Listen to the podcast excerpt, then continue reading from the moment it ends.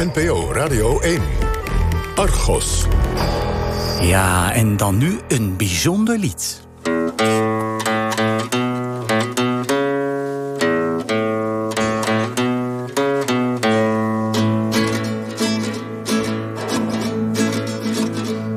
Veenhuizen op het Drentse platteland. Een baaiers met veel zorg en trammeland. Je hebt voor niet één man iets goeds gedaan.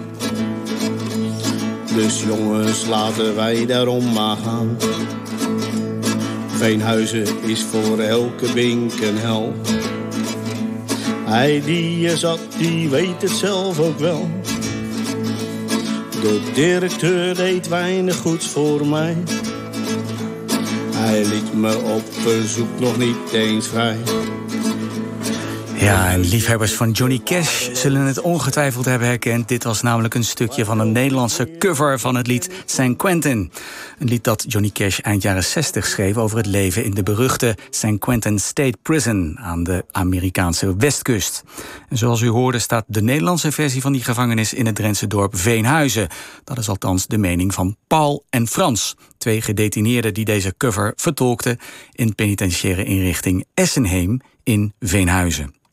En over het leven binnen de Drentse gevangenismuren van Essenheem kan journalist Marjolein Knol inmiddels meepraten. Want zij mocht er vrijwel zonder beperkingen een half jaar rondkijken. En won in die tijd ook het vertrouwen van bewoners en bewakers.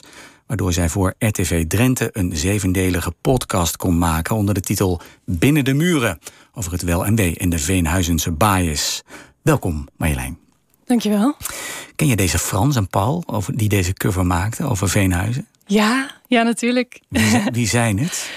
um, ze zaten allebei op de vaderafdeling. Um, en het is eigenlijk puur toeval dat ze daar zaten. Dat is een speciale afdeling in de gevangenis in Veenhuizen. Esserheem heet dat. Um, en uh, die afdeling, afdeling, wat is dat dan? Ja, dat, dat, is een, uh, dat, was een, dat is een nieuw project. Dat is alleen in Leeuwarden en in het Drentse dorpje Veenhuizen. En daar mogen vaders naartoe als ze uh, goed gedrag vertonen, als ze meewerken, als ze een heel plan van aanpak hebben, zodat ze uh, daar in een vertrouwde omgeving toch nog contact kunnen hebben, kunnen onderhouden met hun kinderen. Oh ja. Uh, en dan gaat het vooral vaak om kleine kinderen of kinderen die nog schoolgaand zijn, zodat ze bijvoorbeeld kunnen skypen en kunnen helpen met huiswerk. Nou is dat een heel nieuwe afdeling. Dus, hm. uh, maar dan maken ze ook muziek dus kennelijk. Ja, ja dat, dat is echt heel. de, ik liet het ook uh, de woordvoerder horen van de gevangenis. En die zei ook, nou Marjolein, we moeten niet eerder de indruk wekken... dat de gevangenis gezellig wordt, hè? Dat, een, dat het een muziekstudio is. Ja, ja dit is een, natuurlijk uniek. Je hebt er een half jaar rondgelopen in Essenheem. Wat voor gevangenis is het? Wat voor soort mensen, mensen zitten daar? Um, ja, uh, het, het, is een heel bijzondere gevangenis sowieso, omdat het een oude gevangenis is. Uh, stamt nog van 1900. Uh, en het is vooral bekend om de luchtplaats. Het is een vierkant, of een rechthoekig eigenlijk gebouw, moet ik zeggen. Mm -hmm. Met een gigantische luchtplaats. Dus er zijn bomen, er is gras. En dat is voor gedetineerden ja, heel bijzonder.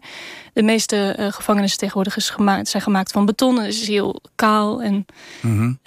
Ja, leeg. Ja. Um, zit, zitten daar zwaar gestraften of de kruimeldieven? Of wat alles. Voor... Oh, alles. Uh, okay. In Venhuis heb je twee gevangenissen, Esserheem en Noorgerhaven.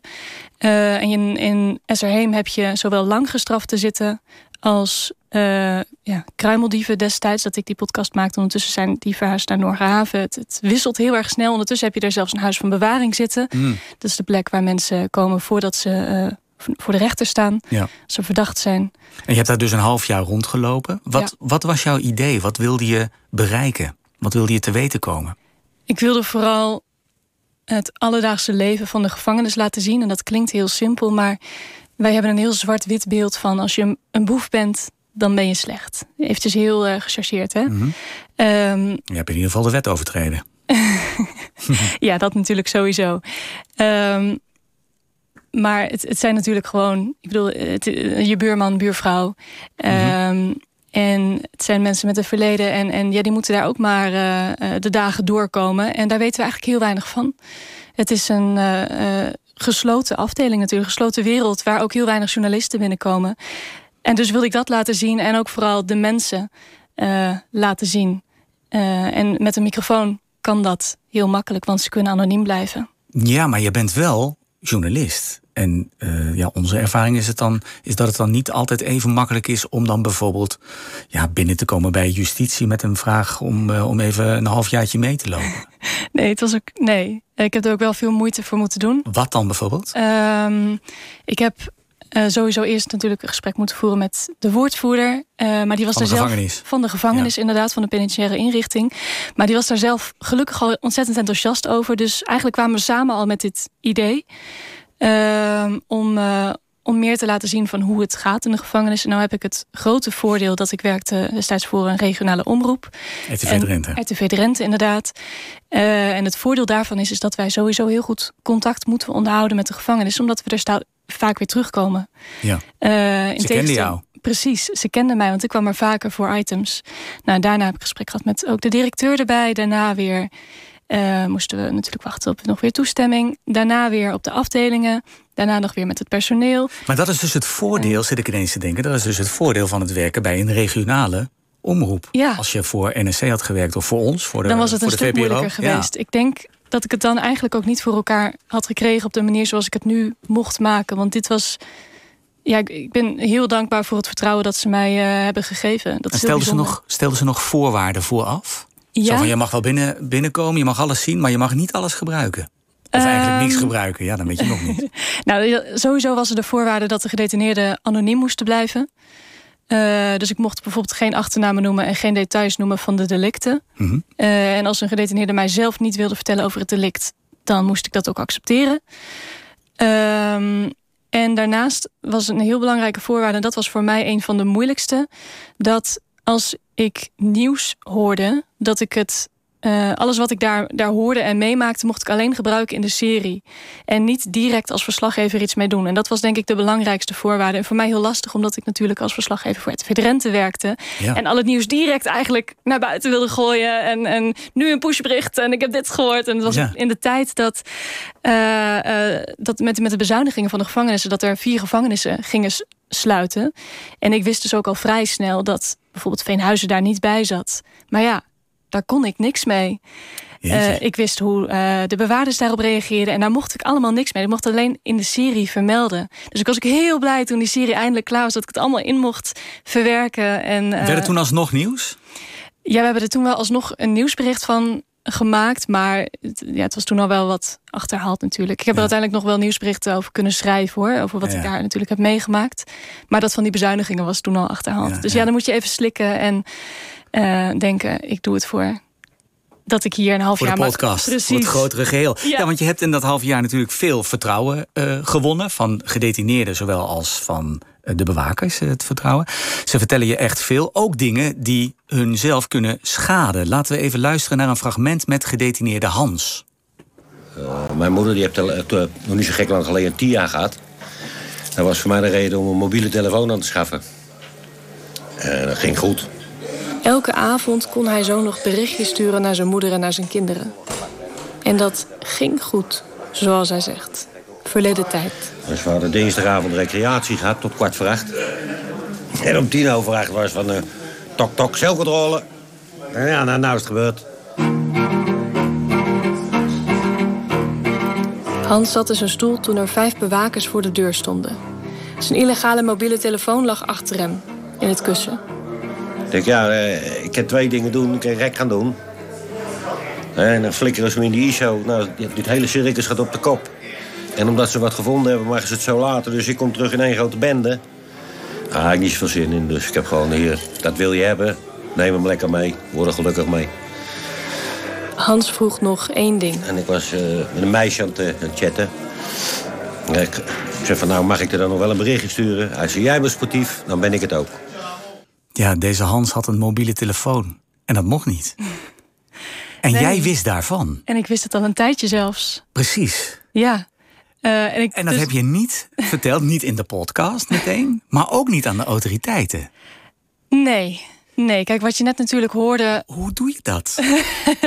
Ja, dat- Ehm, ja, wat, ik net vertelde over dat ik geen eh, nieuws direct naar buiten mocht brengen over wat ik hoorde in de gevangenis, dat, dat gold hiervoor eigenlijk ook. Iemand vertelt mij in vertrouwen dat hij een mobieltje heeft.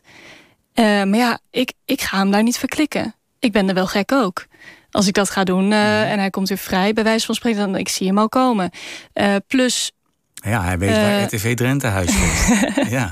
Nee, bij wijze van, maar ja. ook gewoon iemand vertelt me dat in vertrouwen. En dan wil ik dat ook, dat vertrouwen kunnen waarborgen. Daar ben je ook, vind ik, journalist voor. Mm -hmm. Dat je een bron zou kunnen beschermen. Dus ik moest, dus ik wachtte.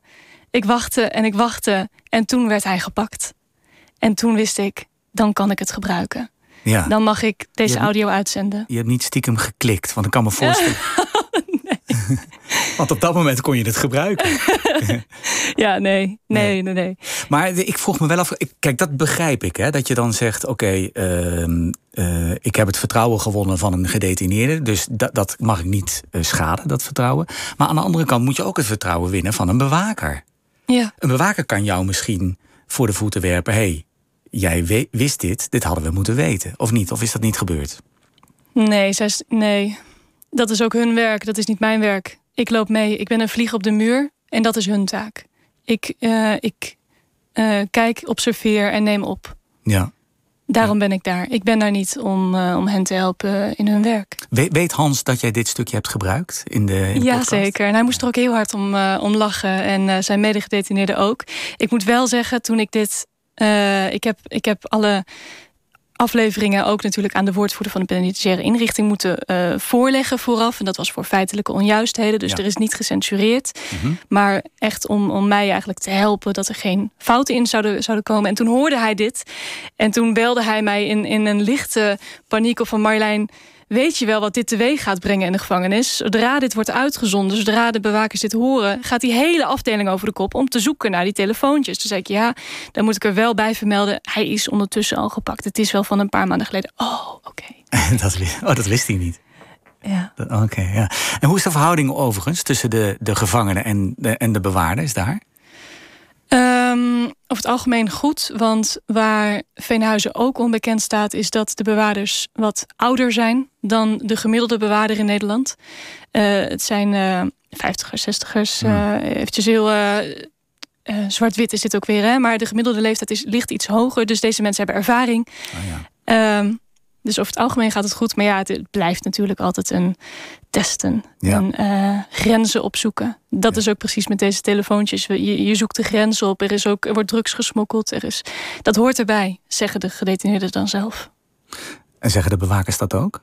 Ja, het is een kat-en-muisspel. Ja? Dat Ja, zeggen ze allebei. ja. Ja, want je hebt dus ook veel contact met bewaarders. Tussen de regels door hoor je ook kritiek van hen op het beleid van justitie.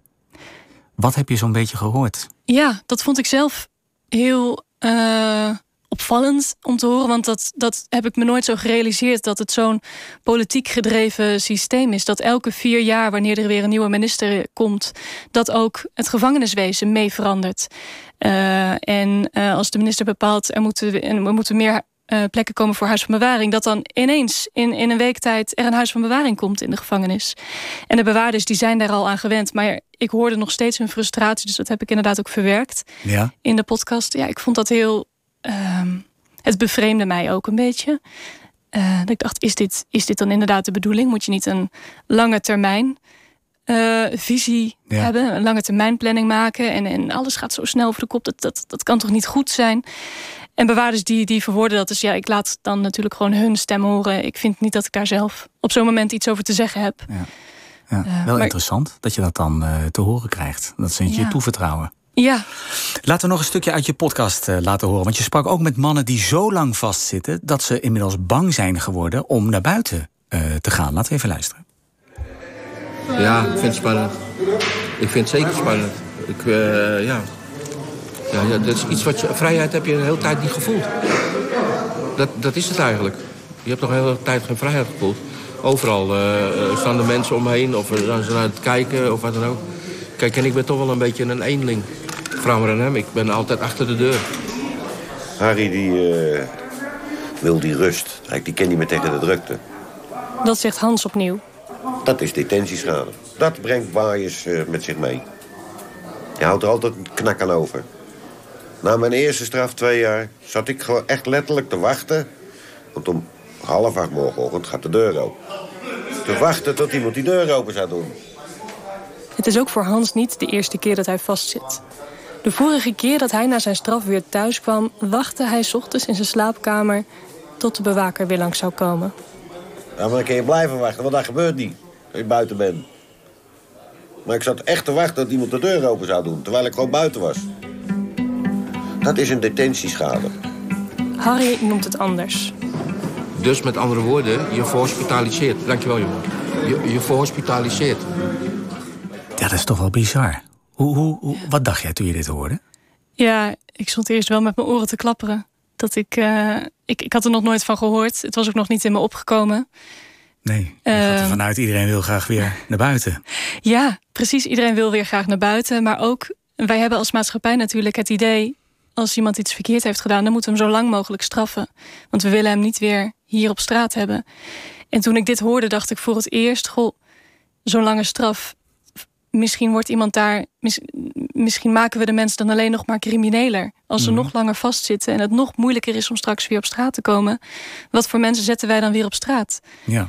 Dus, eh, en dat, dat is iets wat ik van tevoren nooit had kunnen bedenken als ik hier niet had meegelopen. Als ik deze verhalen niet zo had gehoord. Want dat- Heb je het daar ook je over niet. gehad met, eh, ja, met, met de gedetineerden zelf of met de bewakers? Wat, wat zeggen die daarvan? Want die ja, weten dat natuurlijk ook. Die, die merken dat, neem ja. aan. En die proberen dan eh, deze twee gedetineerden bijvoorbeeld ook zoveel mogelijk te begeleiden. Dus je hoorde bijvoorbeeld Harry. eh, en die mocht op een gegeven moment naar het open kamp. Deze man ben ik ook blijven volgen. Ehm, en hij wordt dan ook echt begeleid om eerst bijvoorbeeld heel langzaam met één bewaker weer een dagje naar buiten te kunnen. Om langzaam te wennen dat het is niet gebruikelijk. Dat gebeurt normaal gesproken niet op zo'n manier. Normaal gesproken mag je gelijk een heel weekend op verlof. Ja. Eh, dus hij wordt echt eerst geholpen en begeleid om samen weer één dagje te wennen. En daarna een weekend. En dan wordt hij daarna ook echt, echt eventjes opgevangen. hey, hoe was het? Ja. Hoe ging het? Dus ze doen wel heel erg hun best. Eh, maar tegelijkertijd hoor ik ook van de bewakers dat er bijvoorbeeld op is bezuinigd. Dat, het vroeger, dat er vroeger veel meer begeleiding was. En dat er nu minder geld naar is. En ehm, Mm.